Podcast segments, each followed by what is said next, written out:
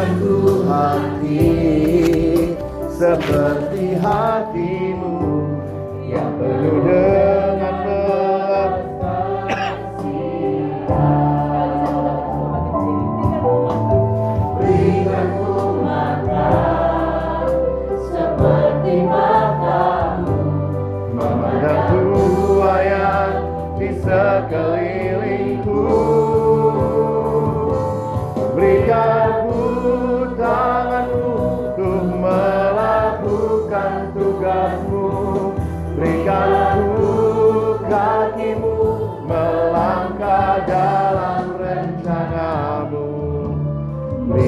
나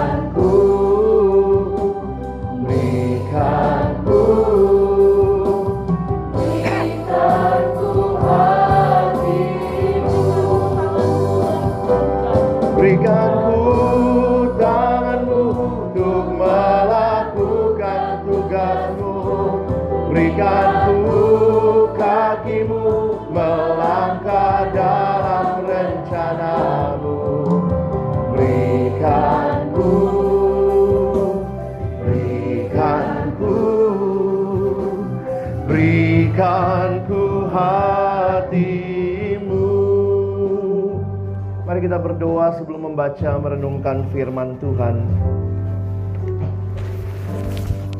Bapa di dalam surga, kami bersyukur hari ini. Kami boleh bersama-sama memperingati kenaikan-Mu ya Tuhan.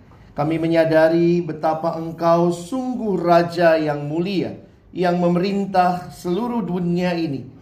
Dan di bawah pemerintahan-Mu itulah kami saat ini hadir dan mengerjakan misi Allah di tengah-tengah dunia ini.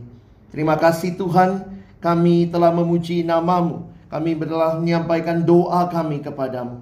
Tiba waktunya bagi kami untuk membuka firman-Mu ya Tuhan. Dan itu kami mohon ketika kami membuka firman-Mu, bukalah juga hati kami. Jadikanlah hati kami seperti tanah yang baik. Supaya ketika benih firman Tuhan ditaburkan, itu boleh sungguh-sungguh berakar, bertumbuh, dan juga berbuah nyata di dalam kehidupan kami. Berkati hambamu yang menyampaikan setiap kami yang mendengarkan, Tuhan tolonglah kami semua. Agar kami bukan hanya menjadi pendengar-pendengar firman yang setia, tapi mampukan kami dengan kuasa dari rohmu yang kudus. Kami dimampukan menjadi pelaku-pelaku firman-Mu di dalam kehidupan kami. Bersabdalah ya Tuhan, kami umatmu sedia mendengarnya. Di dalam satu nama yang kudus, nama yang berkuasa, nama Tuhan kami Yesus Kristus. Kami menyerahkan pemberitaan firman-Mu. Amin. Silakan duduk. Shalom. Selamat pagi Bapak Ibu Saudara yang dikasihi Tuhan Yesus Kristus. Rasanya seperti hari Minggu ya, tapi ini hari Kamis Bapak Ibu Saudara sekalian. Jadi jangan bilang selamat hari Minggu nanti. Itu kebiasaan kita asal libur kebaktian, ingatnya selamat hari Minggu. Satu sisi yang menarik di dalam negara kita ketika kita bersama-sama ada hari libur secara nasional untuk kenaikan. Kalau saudara di banyak tempat event di luar negeri itu tidak dirayakan, tidak diliburkan. Jadi saya waktu studi di Eropa waktu itu saya cari gereja karena hari kenaikan ternyata nggak libur dan nggak ada gereja. Adanya biasanya kebaktiannya adalah yang mengadakan beberapa gereja Anglikan waktu itu itu pun ngadainnya malam pulang kerja. Jadi unik juga kita ya negara dengan mayoritas tetapi hari kenaikan diperingati seperti ini. Nah, apa signifikansinya? Bagaimana kita menghayatinya di dalam hidup beriman kita? Sama-sama kita akan membaca firman Tuhan di dalam Kisah Rasul pasal yang pertama. Mari saudara melihat kisah Rasul pasal yang pertama, kita akan membaca ayat yang pertama sampai dengan ayat yang ke-11. Beberapa bagian tadi sudah kita bacakan di bagian awal. Kita melihat kembali kisah Rasul pasal yang pertama, ayat yang pertama sampai dengan ayatnya yang ke-11. Mari jika sudah menemukan kita membaca bergantian. Kaum pria bersama saya membaca ayat pertama, kaum wanita, perempuan membaca ayat yang kedua, kita bergantian sampai ayat yang ke-11. Pria akan mulai setelah saya baca judulnya. Roh Kudus dijanjikan. Hai Theophilus, dalam bukuku yang pertama, aku menulis tentang segala sesuatu yang dikerjakan dan diajarkan Yesus.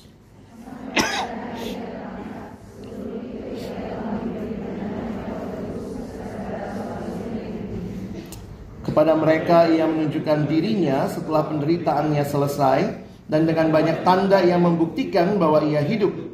Sebab selama 40 hari ia berulang-ulang menampakkan diri dan berbicara kepada mereka tentang kerajaan Allah.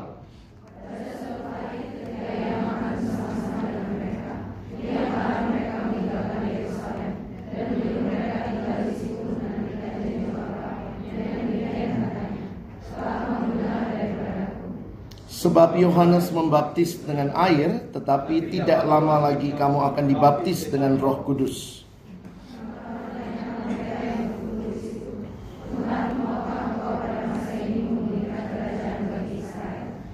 Jawabnya, engkau tidak perlu mengetahui masa dan waktu yang ditetapkan Bapa sendiri menurut kuasanya.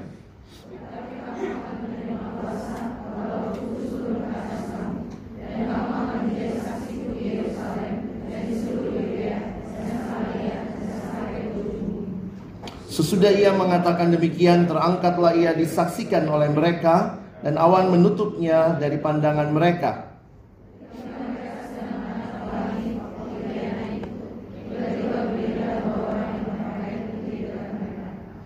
Dan berkata kepada mereka, Hai orang-orang Galilea, mengapa kamu berdiri melihat ke langit?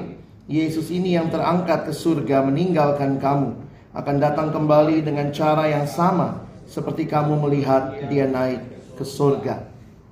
Saudara yang dikasihi Tuhan Yesus Kristus, kenaikan Kristus ke surga menyatakan bahwa pelayanannya di dunia ini telah selesai. Dia kembali ke Bapaknya, menerima kembali kuasa dan otoritas yang dikatakan segala kuasa di sorga dan di bumi telah diberikan kepadaku. Dan kemudian dia juga berjanji akan datang kembali. Sehingga ketika kita melihat karya Kristus, sering kali kita hanya fokus kepada kelahiran, ramai kita rayakan, Natal, karena tepat Christmas sale kali ya, akhir tahun. Lalu mungkin kita bicara Jumat Agung, kita bicara Paskah, kebangkitan, tapi juga dia naik ke surga. Saya pikir pengakuan iman rasuli yang kita sebutkan itu menyatakan karya yang genap dan dari sana ia akan datang kembali untuk menghakimi orang yang hidup dan yang mati. Sehingga kita perlu melihat karya Kristus yang utuh di dalam konteks kehidupan kita. Menarik memperhatikan kisah Rasul menjadi buku yang kedua yang dituliskan oleh Theophilus. Uh, dituliskan oleh Lukas kepada Theophilus. Siapa Theophilus? Banyak yang mengatakan kemungkinan dia seorang pemuka di dalam orang Roma pada waktu itu, mungkin pejabat Romawi.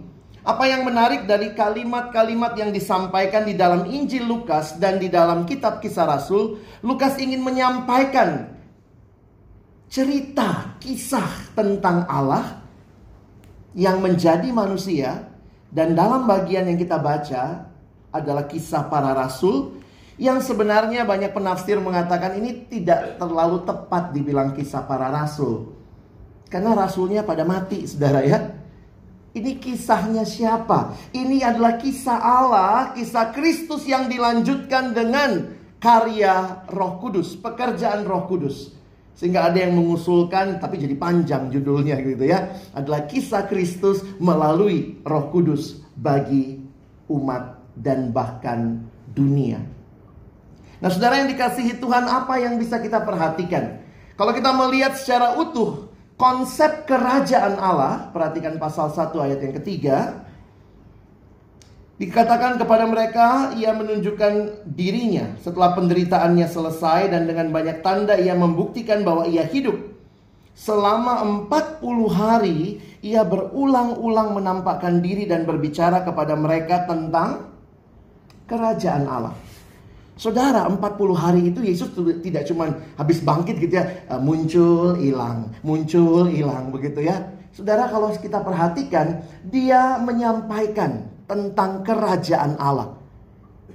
Selama 40 hari itu ada kuliah umum tentang kerajaan Allah.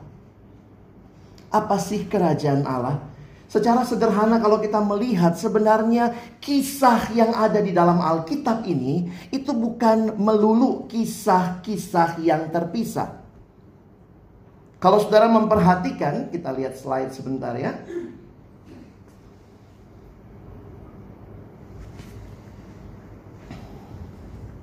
Alkitab adalah sebuah kisah yang utuh. Dari kejadian sampai wahyu, ini bukan sekedar koleksi-koleksi berbagai kisah. Tetapi satu kesatuan yang utuh tentang Allah yang menjadi raja atas dunia ini. Sehingga kalau saudara memperhatikan akan kisah ini, saya pikir akan menolong kita juga memiliki pemahaman tentang kehadiran kita di tengah-tengah kisah Allah. Saudara semua kita pasti punya kisah kehidupan.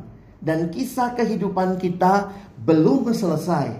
Bapak Ibu masih hidup, saudara sekalian masih hidup, kita sedang menjalani kisah kita. Tapi apa yang menarik untuk kita perhatikan? Ketika kisah kita hanya menjadi kisah kita saja, maka sebenarnya kita kehilangan keindahan yang hakiki Mungkin begitu istilah anak sekarang ya. Karena ketika kisah kerajaan Allah membingkai kisah hidup kita, saya pikir di situlah kita akan menemukan, memaknai kisah hidup kita. Saudara, setiap kita pasti punya kisah yang sadar atau tidak sedang membingkai hidup kita. Seorang bernama Timothy Keller mengatakan kalimat ini.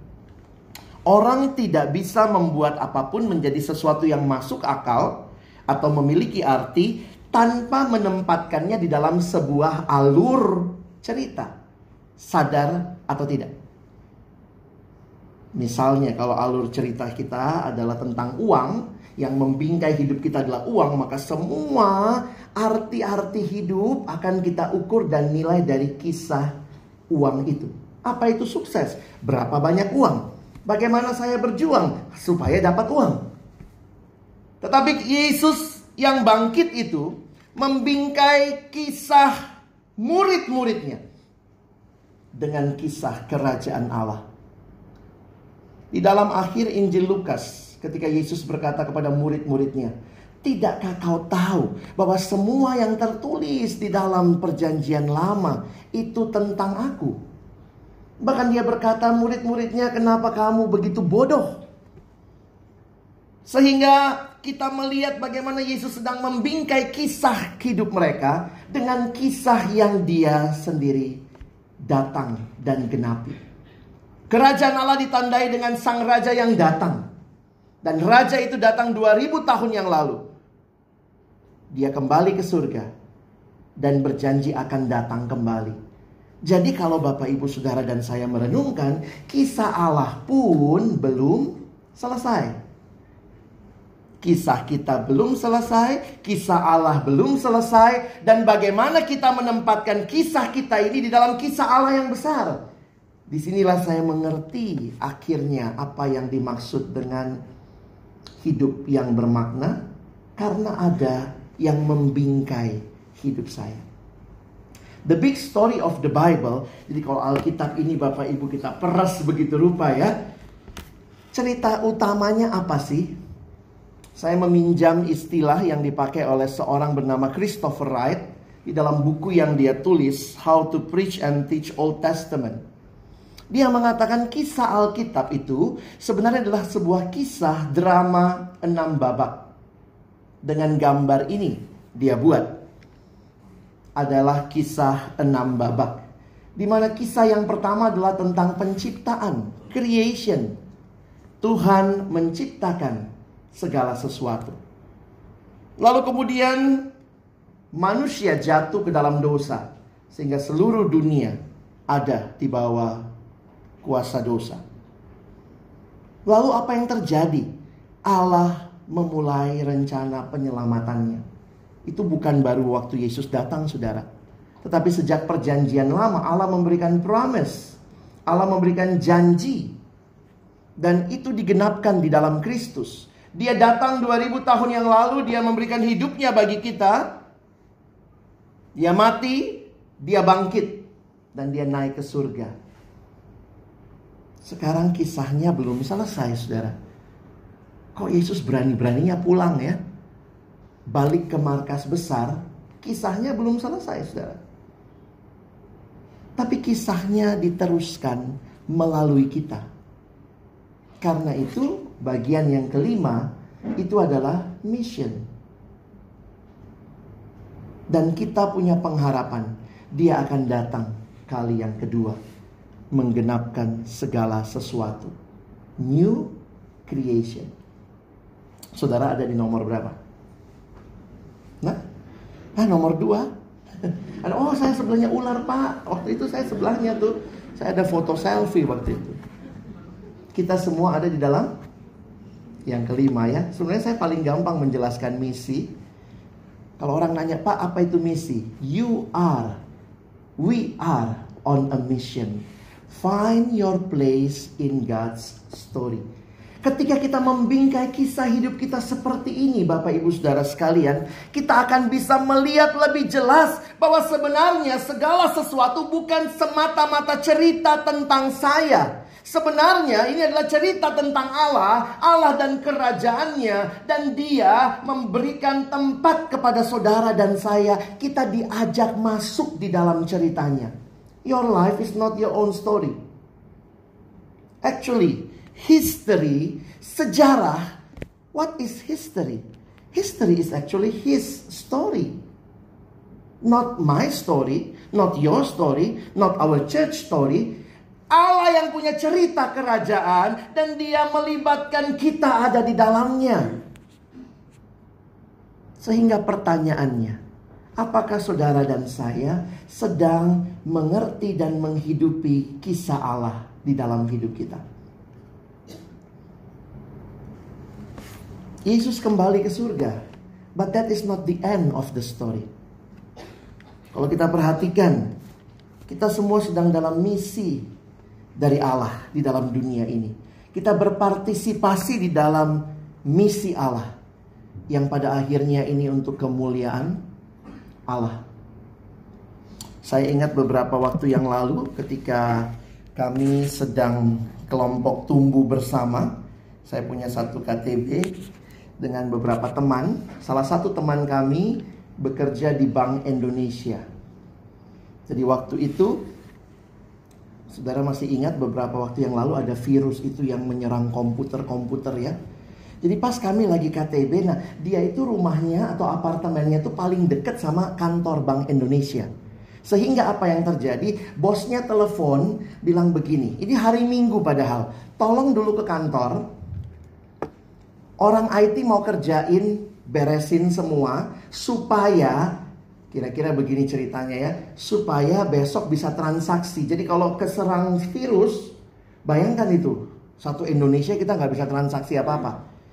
Jadi teman saya itu bilang, oh harus sekarang ya Pak. Iya sekarang. Jadi poinnya nyalain semua komputer online. Lalu nanti orang IT sebenarnya mereka kerja remote dari jarak jauh dia akan coba. Tapi itu syaratnya harus online semua komputer.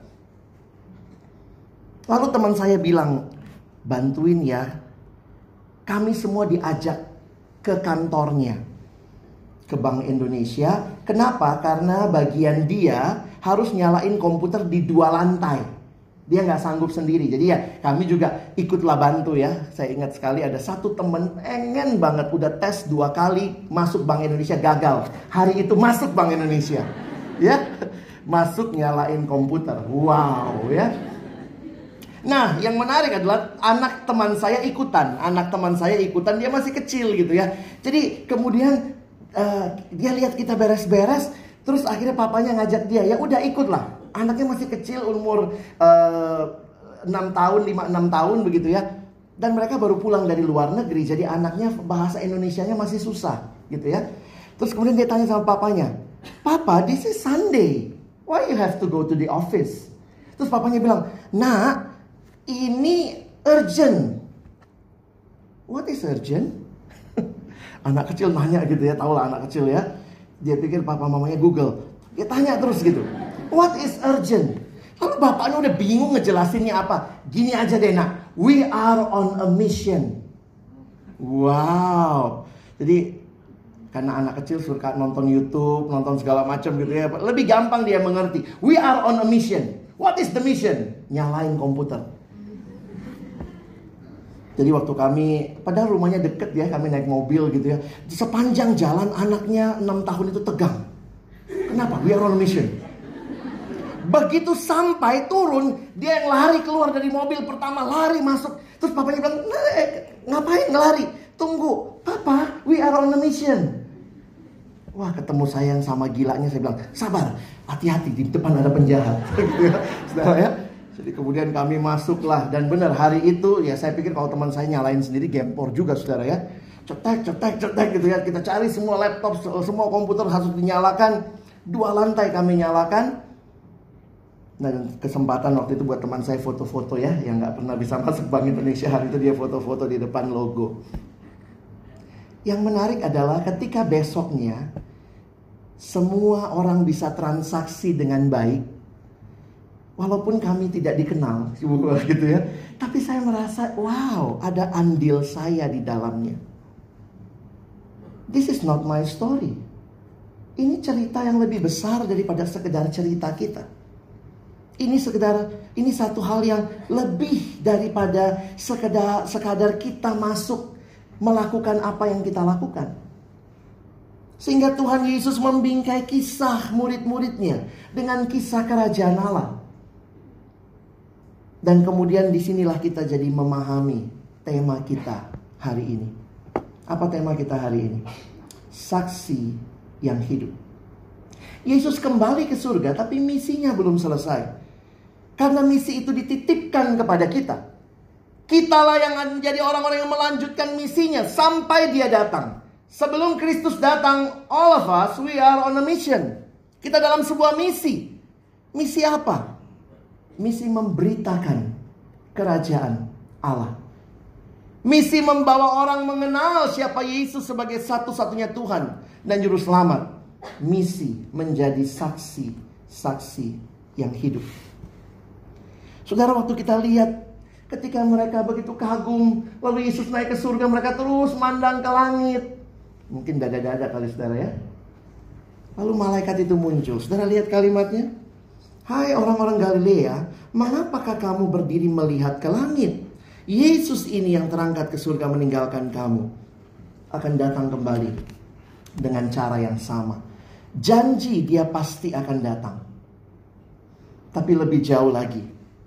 Seorang penafsir mengatakan, ketika Yesus mati, mereka sangat sedih. Mereka lihat ke bawah.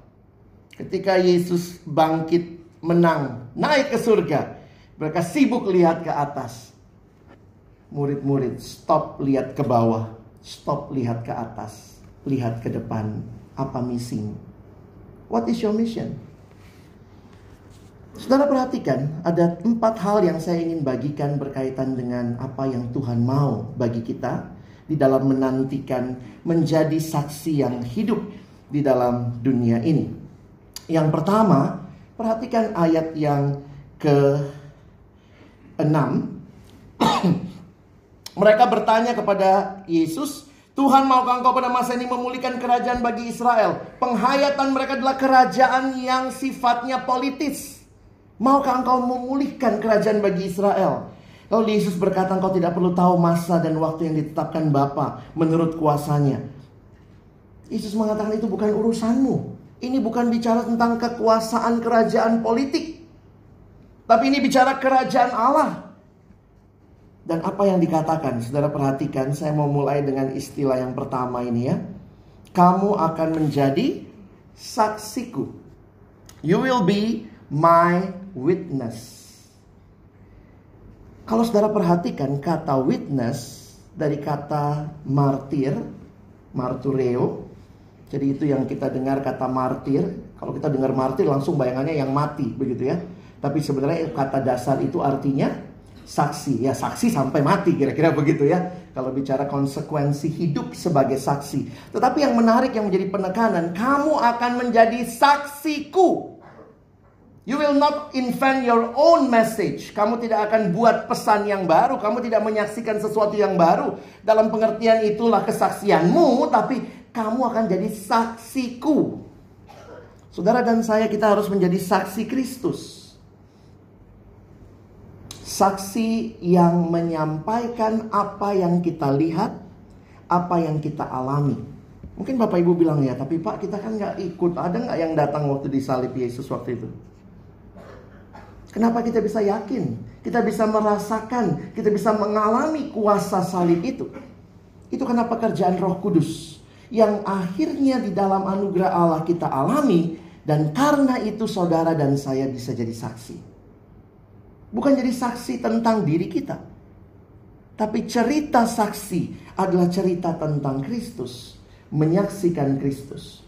Roh Kudus adalah roh yang paling silent di dalam sepanjang sejarah karena tidak menyaksikan dirinya, tapi dia menyaksikan Kristus. Kalau roh itu datang, dia akan menyaksikan Kristus. Saudara, di sini jadi satu pemahaman yang penting. Banyak orang sering bersaksi di gereja yang dia saksikan dirinya. Tuhan itu embel-embelnya. Jadi ceritanya cerita ceritaku, ini ceritaku. Lalu Tuhan uh, ya dikit-dikit adalah di ceritaku yang bagian mujizat-mujizatnya itu Tuhan, tapi selebihnya bagianku. Apakah kita witness dari Tuhan? Saksi. Apa yang disaksikan? Sebenarnya ini menarik kalau kita memperhatikan. Di dalam kitab perjanjian baru saja ada kurang lebih 35 kali kata saksi. Di perjanjian baru, maaf, ada 35 kali kata saksi di dalam seluruh perjanjian baru, 13 di antaranya ada di kitab Kisah Rasul.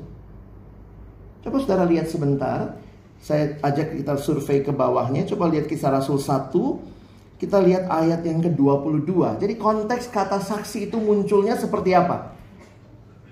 Yaitu mulai ini waktu mereka cari pengganti Yudas ya, maka kriterianya salah satunya ayat 22 yaitu mulai dari baptisan Yohanes sampai hari Yesus terangkat ke sorga, meninggalkan kami untuk menjadi saksi dengan kami tentang kebangkitannya. Nah, sudah lihat itu ya. Perhatikan pasal 2. Ayat 32. Kita baca sama-sama ayat 32, 1, 2 ya. Yesus inilah yang dibangkitkan Allah dan tentang hal itu kami semua adalah saksi. Perhatikan pasal yang ketiga. Pasal yang ketiga ayat yang ke-15. Mari baca sama-sama. Demikianlah ia, pemimpin kepada hidup telah kamu bunuh, tetapi Allah telah membangkitkan dia dari antara orang mati, dan tentang hal itu kami adalah saksi. Nanti saudara carilah ke belakang. Tapi yang menarik untuk kita perhatikan, saksi itu menyaksikan bukan dirinya, tetapi apa yang dia saksikan. Jadi fokus ini yang saya harap kita tidak kehilangan. Di tengah-tengah dunia yang sering kali bersaksi, tapi sebenarnya Yesus bukan segala-galanya. Yesus cuma embel-embel bagi hidup kita. Atau bagi hidup banyak orang, saudara ya. Saya harap kita mengerti, menyaksikan Allah. Menyaksikan apa yang dia kerjakan di dalam dan melalui hidup kita. Tapi ingat, the real hero is not us. It's him. Banyak orang bercerita tentang Allah hanya sebenarnya mau menggunakan Allah untuk membanggakan dirinya. Kemarin Tuhan berkati saya luar biasa ya karena saya taat sekali ya. Saya memang hebat ya. Ya akhirnya karena saya hebat ya Tuhan tunjukkanlah dia juga hebat. Hebat ya saya ya. Puji diri, haleluya. Gampang sekali. Diingatkan kamu akan jadi saksiku, my witness. Karena itu, Saudara yang mengalami Tuhan dengan sungguh-sungguh, saksikanlah dia. Saudara tidak bisa menyampaikan apa yang saudara tidak alami. Saya suka bicara tentang informasi sama relasi ya. Kadang-kadang kalau kita punya iman yang sekedar informatif, tentu kita butuh informasi ya. Tapi mari dalami kita mau iman yang berelasi dengan Tuhan. Saudara, uh, coba pilih dua kalimat saya kasih ya. Saudara pilih kalimat mana yang lebih suka. Kalimat pertama, wanita paling kaya di dunia adalah Ratu Elizabeth dari Inggris. Ini kalimat pertama. Kalimat kedua, wanita paling kaya di dunia adalah Ratu Elizabeth dari Inggris dan dia memberikan semua kekayaannya kepada saya. Suka yang mana? Hah? Yang kedua, Hah, matre. Kenapa? Kalimat pertama isinya cuma informasi. Nothing to do with me. Tapi kalimat kedua melibatkan relasi.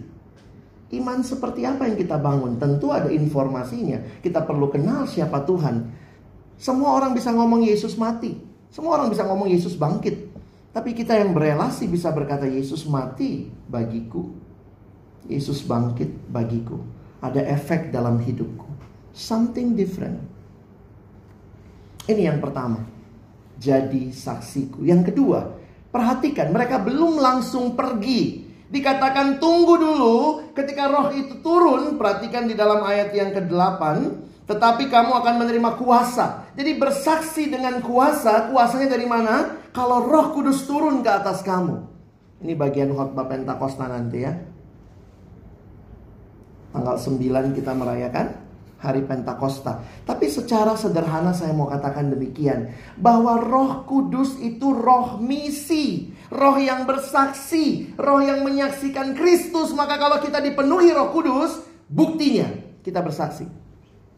Gereja yang dipenuhi roh kudus bukan yang semuanya bahasa roh sekaligus. Bukti kita dipenuhi roh kudus. Hidup yang taat, yang kudus, yang suci. Dan mau bersaksi. Kita lihat Yohanes 15 sebentar, dua ayat terakhir. Yohanes 15. Di dalam dua ayat terakhir saya selalu ingat ayat ini itu selalu jadi pertanyaan, kamu sungguh dikuasai Roh Kudus nggak? 26 dan 27. Yohanes 15, 26 dan 27. Jikalau penghibur yang akan kuutus dari Bapa datang, yaitu roh kebenaran yang keluar dari Bapa, ia akan bersaksi tentang aku. Asik, Roh Kudus bersaksi, kita diam. Eh, ayat berikutnya. Tetapi kamu juga harus bersaksi. Karena kamu dari semula bersama-sama dengan aku. Bukti Roh Kudus hadir memimpin gereja dan umat Allah. Kita pun bersaksi. Yang ketiga, saudara perhatikan di dalam sepanjang kisah Rasul saya akhirnya melihat bahwa yang yang kita bawa berita itu menjadi satu dengan hidup kita. Kita bukan menyaksikan sesuatu yang sekedar berita, tetapi hidup kita secara utuh menyaksikannya. Kalau Bapak Ibu bahas dan baca semuanya, saya melihat penting sekali kita tidak hanya bersaksi dengan kata-kata. Kata-kata penting-penting, saya juga tidak mau hilangkan kata-kata. Belajar bersaksi, belajar bicara dengan tepat. Tetapi juga disertai dengan hidup yang utuh. Yang membuktikan kata-kata yang kita sampaikan. Ada yang berkata, your actions speak louder than your words. Makanya sulit saudara ya kalau orang cuma mulutnya aja manis. Hari Minggu aja jadi Kristen ya. Kalau hari Minggu tuh kayaknya Kristen banget ya. Uh, pakai bulatan di atas kepala. Kalau perlu nggak injek tanah. Kepentok sedikit haleluya. Kejedut maranata. Tapi hari lain sama aja ya. Monyet, anjing, kampret. Ada seorang pengusaha Kristen yang ada yang bilang, wih bagus banget dia pak. Di kantornya bikin kebaktian, semuanya ada gitu ya. Tapi waktu saya ketemu orang lain lagi, ya ampun pak hidupnya dia kalau maki-maki karyawannya pak. Kita bingung tuh, anak Tuhan apa anak setan. Kadang-kadang kita sangat bisa jadi bunglon ya. Seolah-olah baik di satu sisi, di sisi lain. Hidup yang utuh itulah yang menyaksikan Kristus. Let other see Jesus in you. Mungkin sebelum dia sampai ke Alkitab, dia hanya bisa lihat hidup. Dan mungkin hidup saudara lah jadi ada yang bilang hidupmu kitab yang terbuka.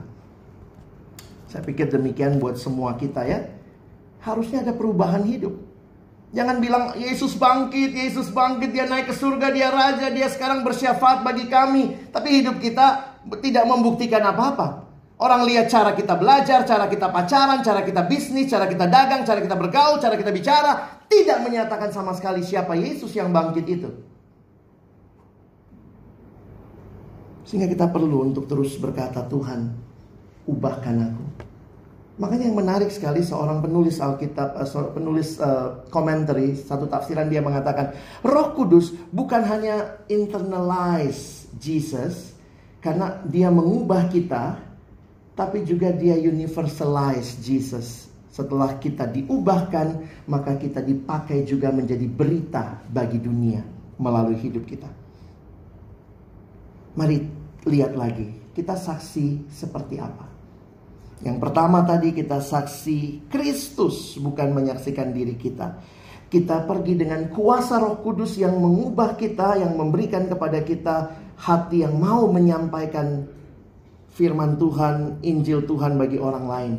Kita masuk dengan hidup yang utuh. Dan terakhir yang keempat, di mana Yesus berkata kepada muridnya mulai dari Yerusalem, Yudea, Samaria sampai ujung bumi. Itu yang membingkai juga kitab kisah Rasul. Kalau saudara perhatikan, Yerusalem itu kota di mana mereka ada. Yudea itu provinsinya. Samaria sudah masuk provinsi lain yang dekat. Ujung bumi sampai di mana-mana. Saya pikir di sini jadi menarik untuk kita memperhatikan Tuhan memberikan konteks buat kita hadir jadi saksi. Mulailah dari tempat di mana saudara ada. Perlu kita bertanya, where is my Jerusalem? Yerusalemku di mana? Ada juga sih yang bilang ya, di mana sih ujung bumi? Apakah Yesus penganut bumi datar? Bumi ada ujungnya. Nah ini kita mesti cek di perjanjian lama itu konsep sampai ujung-ujung bumi maksudnya sampai paling jauh tempat the farthest far. Jadi bukan bicara kita tidak sedang membuktikan teori apa-apa Yesus tidak ngomong soal bumi datar.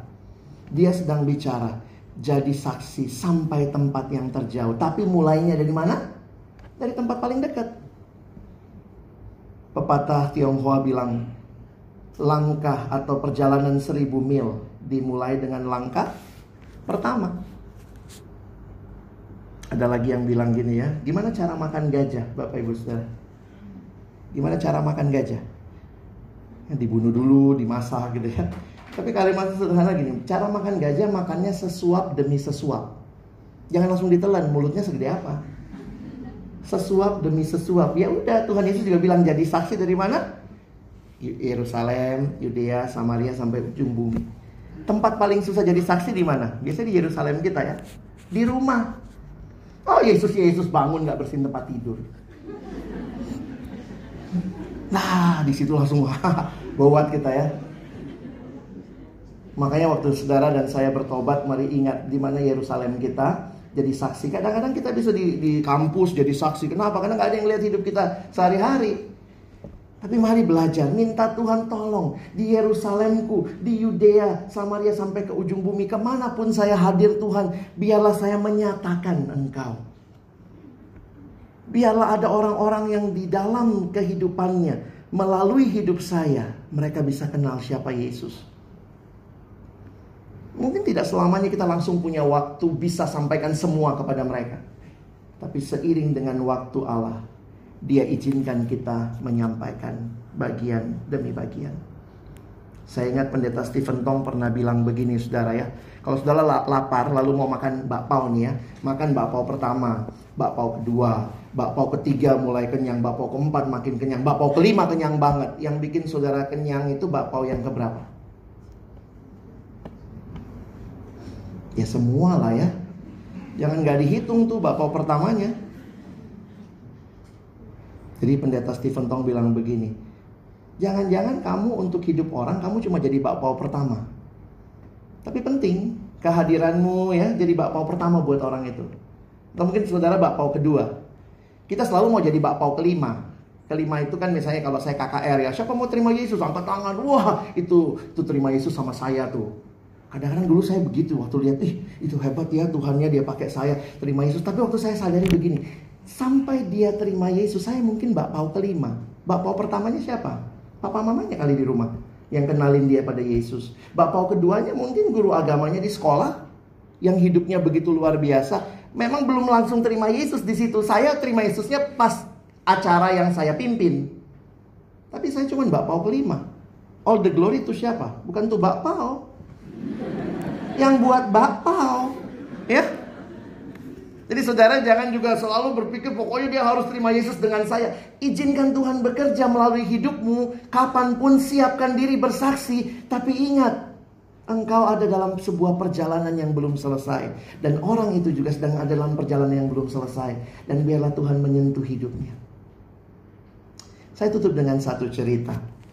Suatu waktu seorang pelukis diminta menggambarkan tentang penginjilan apa sih penginjilan itu? Lalu dia setelah berpikir dalam, dia ambil sebuah kanvas dan dia mulai melukis. Apa yang dia lukis? Dia lukiskan waktu itu sebuah pemandangan yang sangat suram. Adalah pemandangan di sebuah laut yang bergelora di tengah malam yang gelap. Di atasnya dia gambarkan awan-awan hitam yang begitu pekat. Lalu kemudian ada halilintar yang menyala sehingga memberikan cahaya terang sedikit. Lalu laut bergelora dengan gelombang yang tinggi dan terlihatlah ada sebuah kapal yang terhempas ke karang-karang yang sangat tajam. Kapalnya sudah hancur, serpihan-serpihan ada di mana-mana. Lalu kemudian beberapa anak dari kapal itu memegang papan-papan kayu dari kapal itu Sementara beberapa kelihatan tenggelam dengan tangan yang menggapai-gapai. Satu-satunya bagian pengharapan. Di bagian latar depan ada sebuah karang yang menyembul tinggi keluar dari laut. Dan di karang itu ada seorang pelaut kesepian yang sedang memeluk karang itu dengan dua tangannya. Sementara dia melihat kawan-kawannya yang tenggelam. Dia selesai lukis, dia lihat, iya ya, inilah gambaran betapa mengerikannya dosa orang-orang binasa. Tapi untungnya ada pengharapan. Yesus seperti batu karang yang memberikan pengharapan sehingga orang yang memeluknya selamat. Setelah dia lihat, dia pandangi, dia pandangi, dia baru sadar. Kayaknya saya belum melukiskan penginjilan. Dia ambil kanvas yang baru. Dia mulai melukis lagi. Tapi yang menarik dia melukiskan ternyata hal yang sama persis dengan lukisan yang pertama. Dia menggambarkan kondisi malam yang sangat gelap. Awan-awan pekatnya ada. Dia menggambarkan cahaya dari halilintar itu. Dia memberikan gambaran laut yang bergelora dengan karang-karang yang begitu tajam. Ada perahu yang sudah hancur. Ada orang-orang yang menggapai-gapai. Di bagian depan dia juga gambarkan pengharapan itu. Ada sebuah batu karang yang menyembul dari dalam laut. Dan dia menggambarkan juga seorang pelaut yang kesepian yang memeluk batu karang itu. Bedanya apa? Waktu diperhatikan lebih detail, di situlah ternyata bedanya. Pelaut itu memeluk batu karang itu hanya dengan satu tangan. Sementara tangan yang satunya sedang menggapai, menjangkau temannya yang hendak tenggelam. Dan temannya memegang tangan temannya itu erat-erat. Setelah selesai dia bilang, inilah penginjilan. Sebelum ada tangan yang terulur, sebenarnya belum pernah ada penginjilan.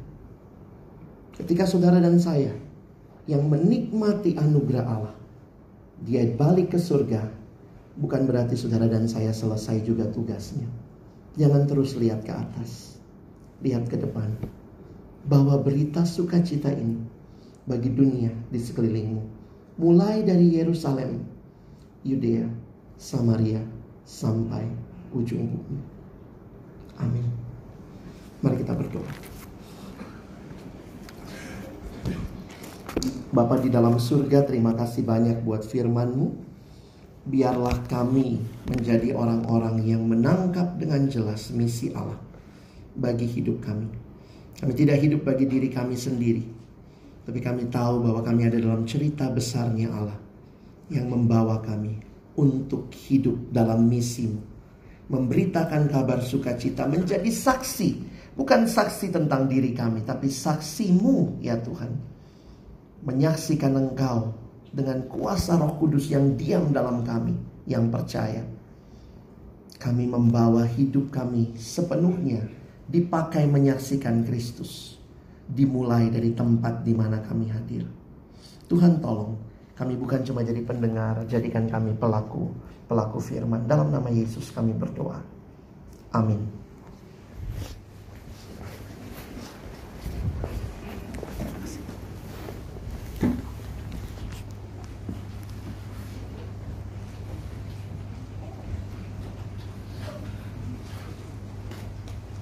Kita bersyukur buat firman Tuhan yang boleh kita dengar pada pagi hari ini.